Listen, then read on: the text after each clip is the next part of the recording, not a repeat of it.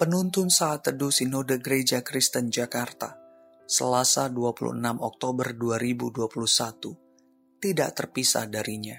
Dari Amos 4 ayat 1 sampai 3. Dengarlah firman ini, hai lembu-lembu basan yang ada di gunung Samaria, yang memeras orang lemah, yang menginjak orang miskin, yang mengatakan kepada Tuhan-Tuhanmu, bawalah kemari supaya kita minum-minum Tuhan Allah telah bersumpah demi kekudusannya. Sesungguhnya akan datang masanya bagimu bahwa kamu diangkat dengan kait dan yang tertinggal di antara kamu dengan kail ikan. Kamu akan keluar melalui belahan tembok, masing-masing lurus ke depan, dan kamu akan diseret ke arah Hermon. Demikianlah firman Tuhan.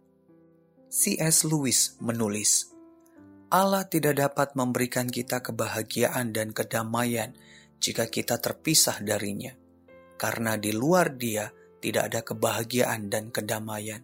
Semua itu tidak ada.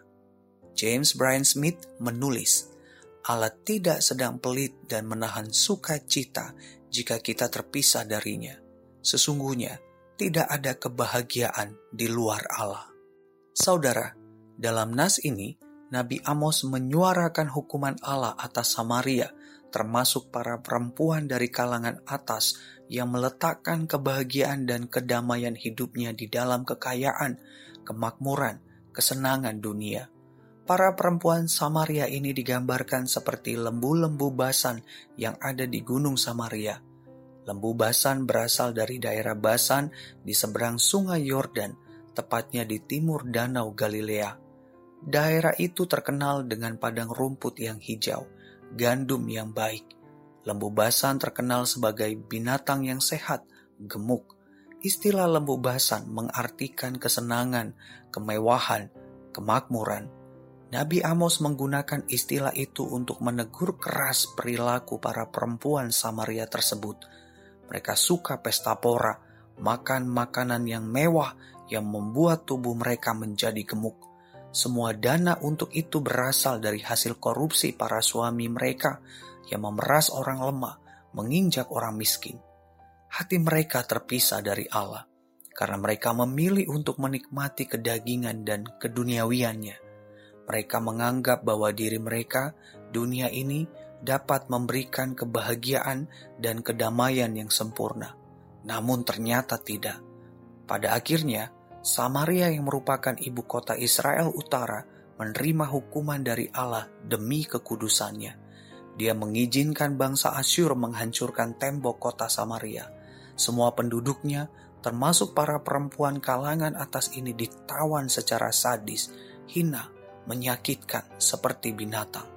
Seberapapun hebatnya penyembahan mereka kepada Allah, namun jika hati mereka terpisah darinya, itu adalah penyembahan yang palsu di luar Allah, mereka tidak akan pernah mendapatkan kebahagiaan, kedamaian sejati.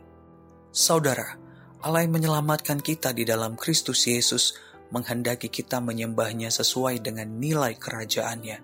Maksudnya adalah kita menjadikan Allah sebagai yang terutama di dalam hidup kita.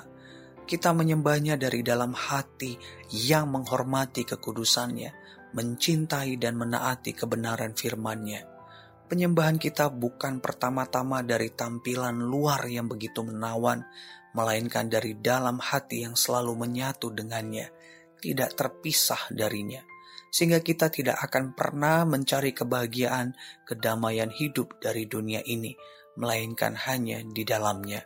Dengan kita menempatkan Allah sebagai yang terutama, maka kita akan selalu bersyukur untuk segala sesuatu yang diberikannya kita tidak akan mengutamakan kekayaan, kemakmuran, kemewahan dunia ini.